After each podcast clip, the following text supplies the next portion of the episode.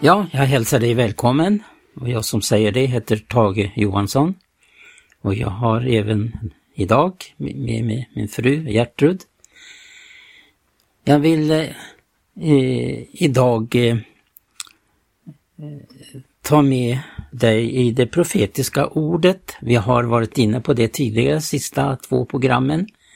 Om eh, tidshändelser, om eh, profetordets tillförlitlighet och hur det bekräftas med det som har, har skett och det som också kommer att ske. Men framförallt det som sker idag. Bibeln talar ju tydligt om människans tid på jorden och har delat upp det i olika tider, eh, tidsåldrar. Vi lever i, eh, kan vi säga, i slutet av en tidsålder idag. Vi går emot eh, en ny tidsålder som ska komma över vår värld som kallas för tusenårsriket. Men vi lever alltså i avslutning av en tidsålder. Ja, man kan kalla det för nådens tid.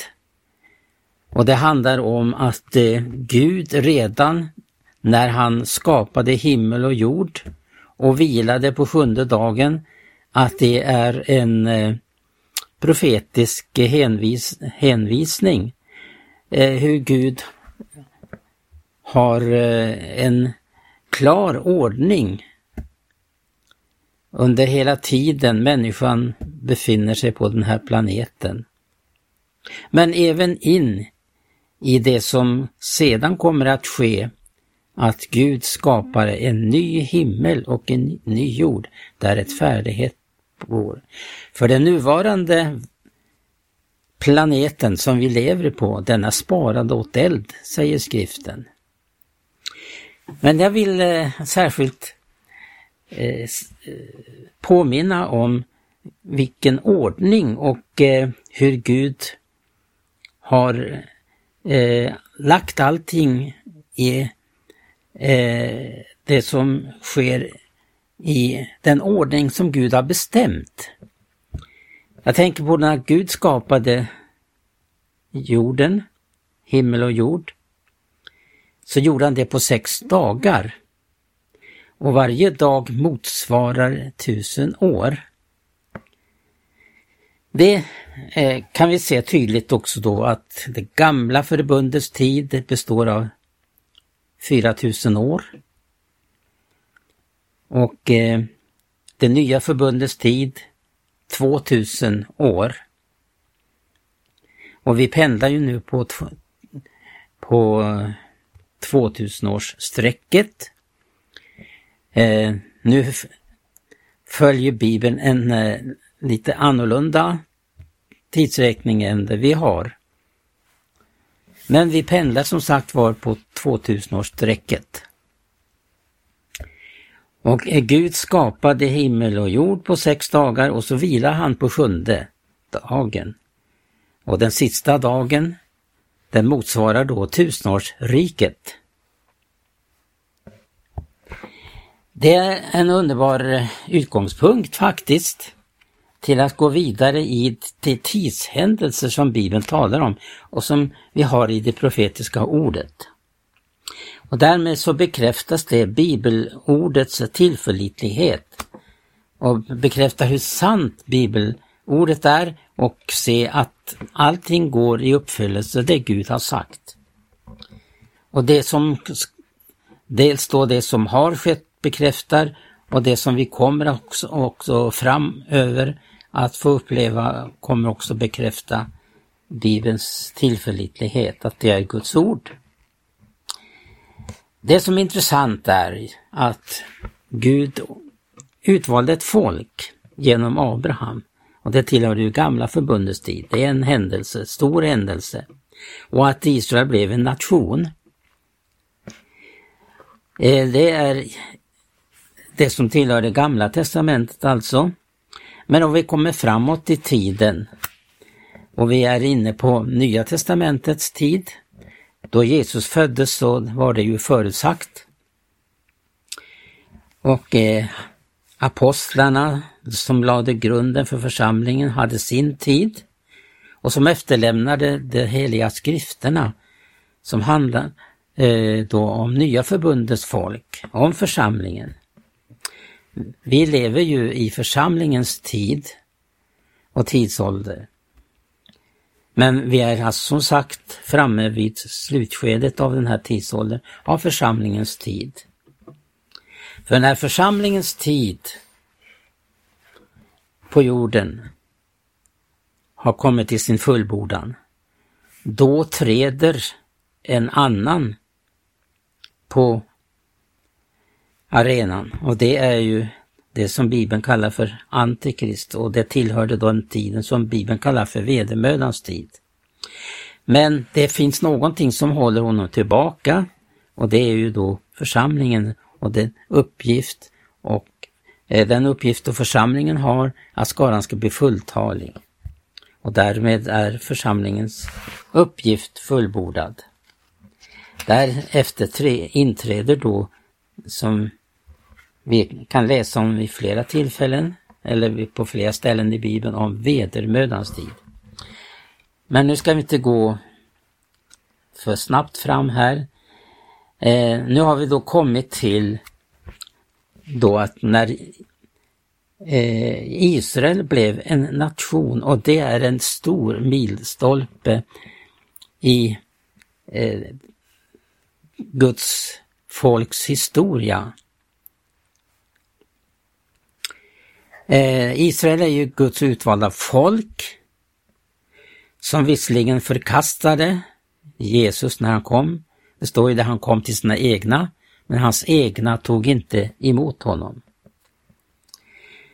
Och Israel fick ju också uppbära följderna utav att eh, när man utelämnade Jesus så sa man klart och tydligt att låt hans blod kom över oss och över våra barn och det har det verkligen gjort.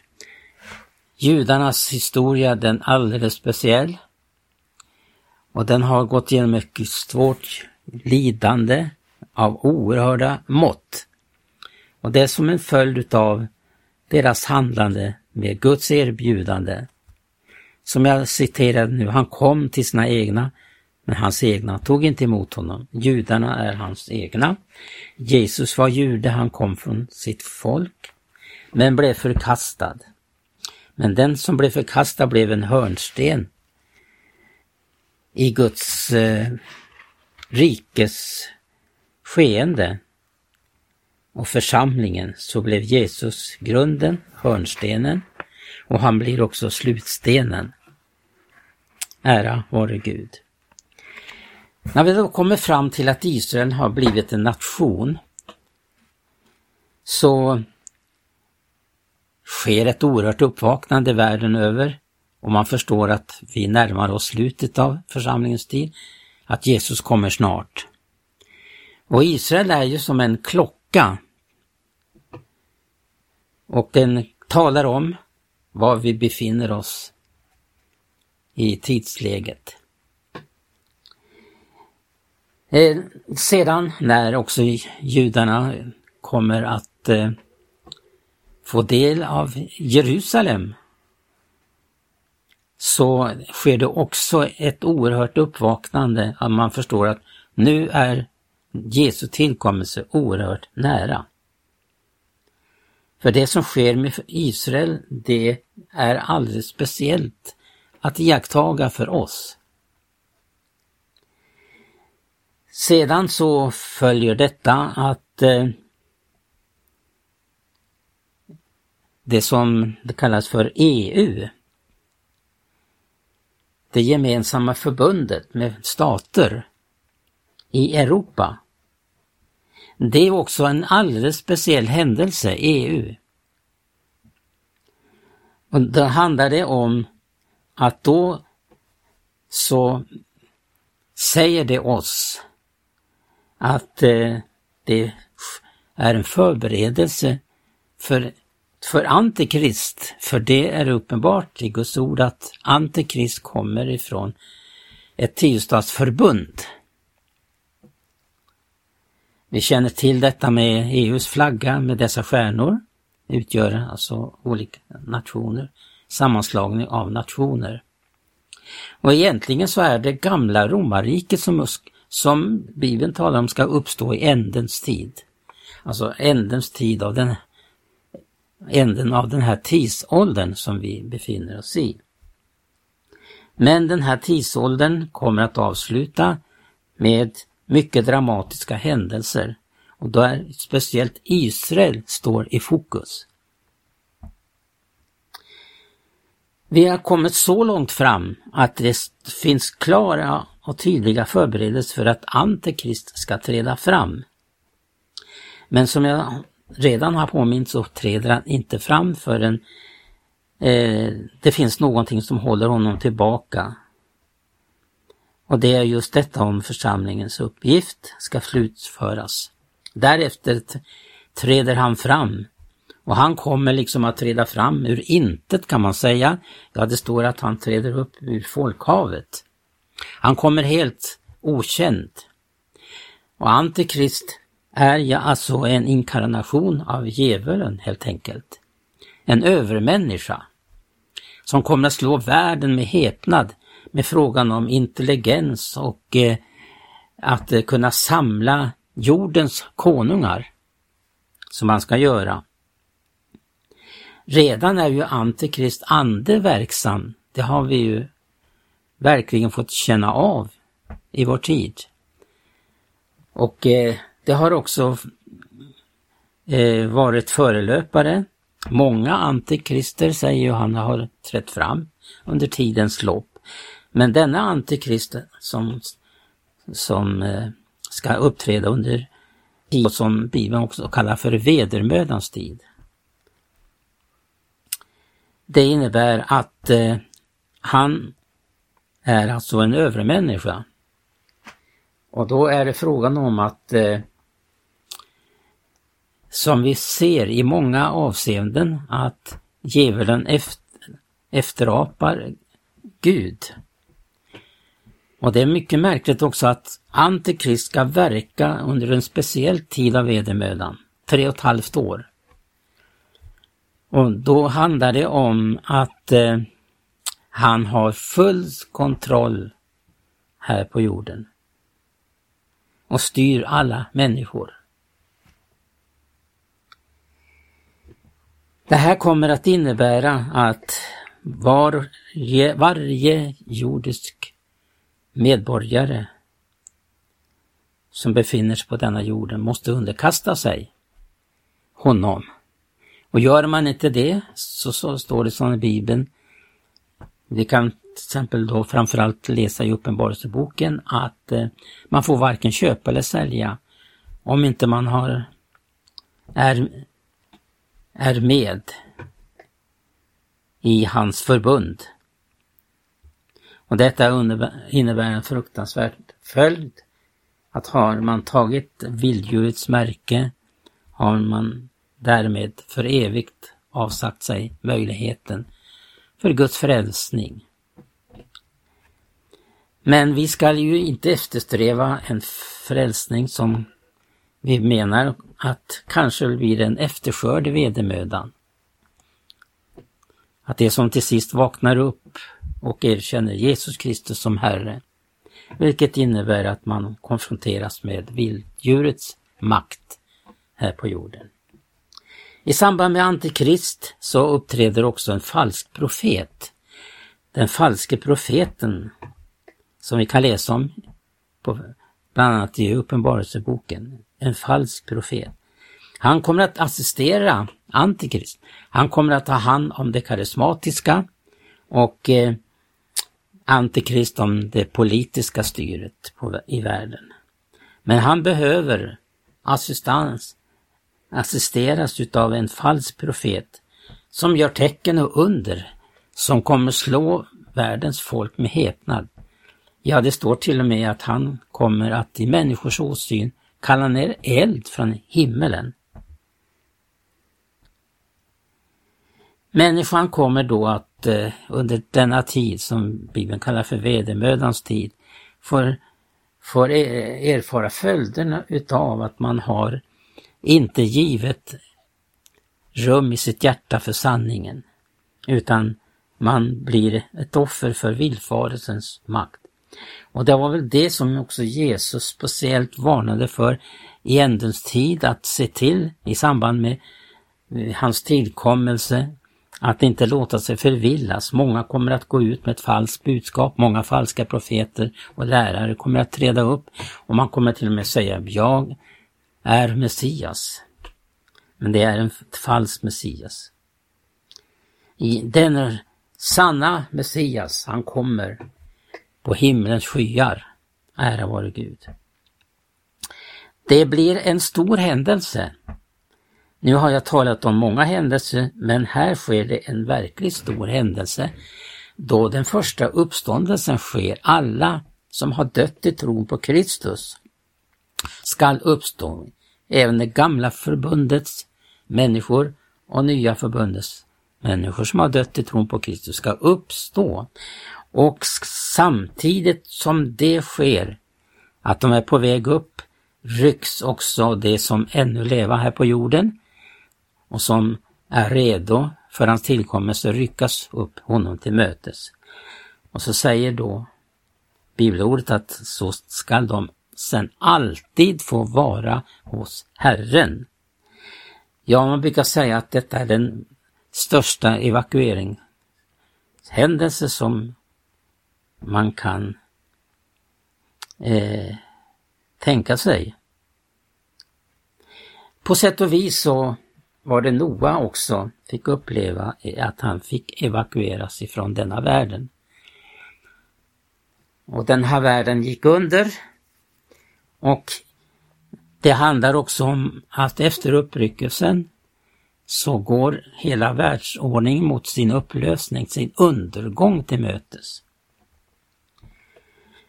För min del, min del så tror jag att hans tillkommelse sker i två etapper.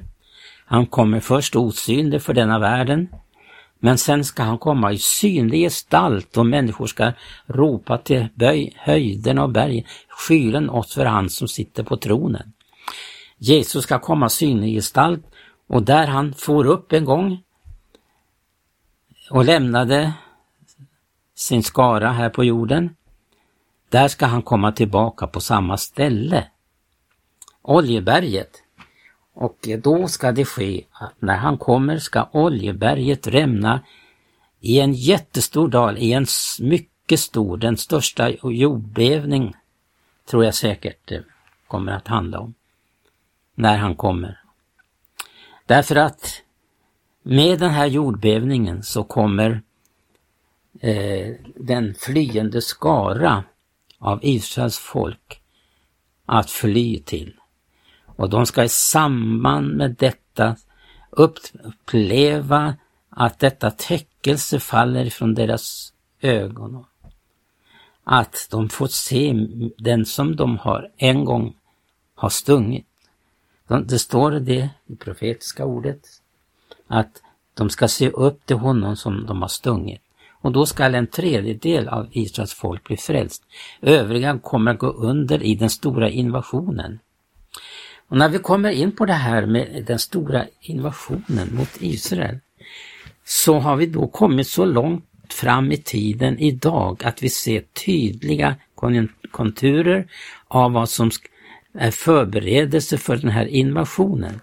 Och där det framför allt handlar om om Ryssland, Kina, Indien, eh, Syrien och framförallt Iran som kommer att gå i spetsen för denna invasion. En jättestor invasion som världen aldrig har sett tidigare. Eh, någon har, eh, jag vet inte om man ska fastslå det, att som någon har sagt att eh, det, man räknar med en armé på 200 miljoner ska tåga mot Israel. Det där vill jag liksom bara säga inom parentes eller eh, jag vet inte om det finns något Guds ord på det, men det är i alla fall så handlar det om en stor... Konungarna ska... Antikrist ska samla konungar på jorden och han ska gå i spetsen för den här invasionen mot Israel. Men där kommer då att hända att eh, Jesus griper in.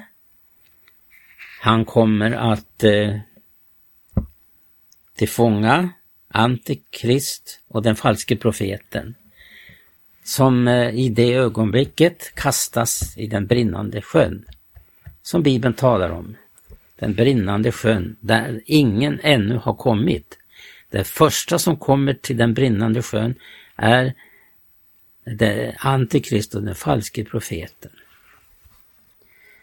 Men när i samband med att tusenårsriket träder in så kommer också djävulen att bli bunden för tusen år. Han ska få bindas med en kedja och man ska förpassa honom till avgrunden där han får vara i tusen år. Och i dessa tusen år kommer Jesus att regera här på jorden. Och det här låter Gud ske därför att det, det bevisar vad det innebär att Jesus får regera. Men i den här världen, fram till dess, är det djävulen som är regent. Och Jesus säger ju det klart och tydligt att hela denna världen är djävulens våld. Han är denna världens förste. Men att Jesus kom med befrielsens budskap och man behöver inte leva under hans våld. Utan man kallas ut till frälsningens frihet. Och uppleva att man behöver icke träla under syndens ok längre, utan den sonen gör fri, som Jesus säger, blir verkligen fri. Ja, tusenårsriket, vad händer sedan? Jag kanske hinner med det också. Ja, när tusen år gått ska djävulen åter faktiskt för en kort tid komma lö lös. Och då ska han gå ut och förvilla och då sker åter ett uppror och just tågar man just mot, mot eh, det utvalda folket. Och då är det ju alltid som det är, Jerusalem står i fokus.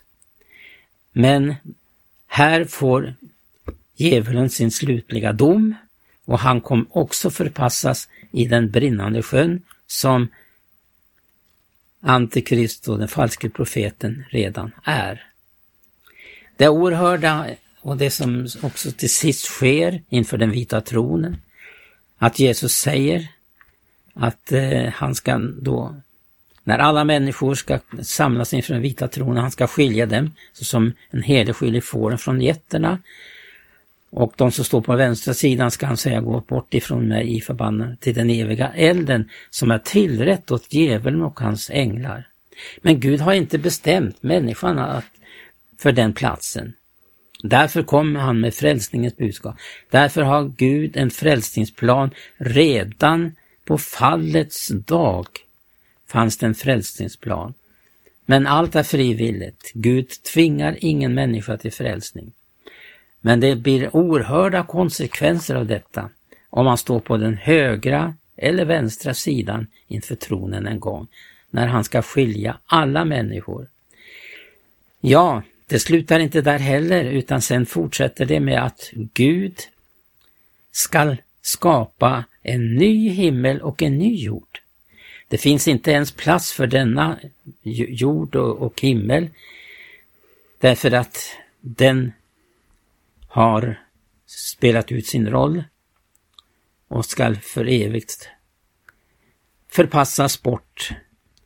Där fanns inte ens en plats för den, står det.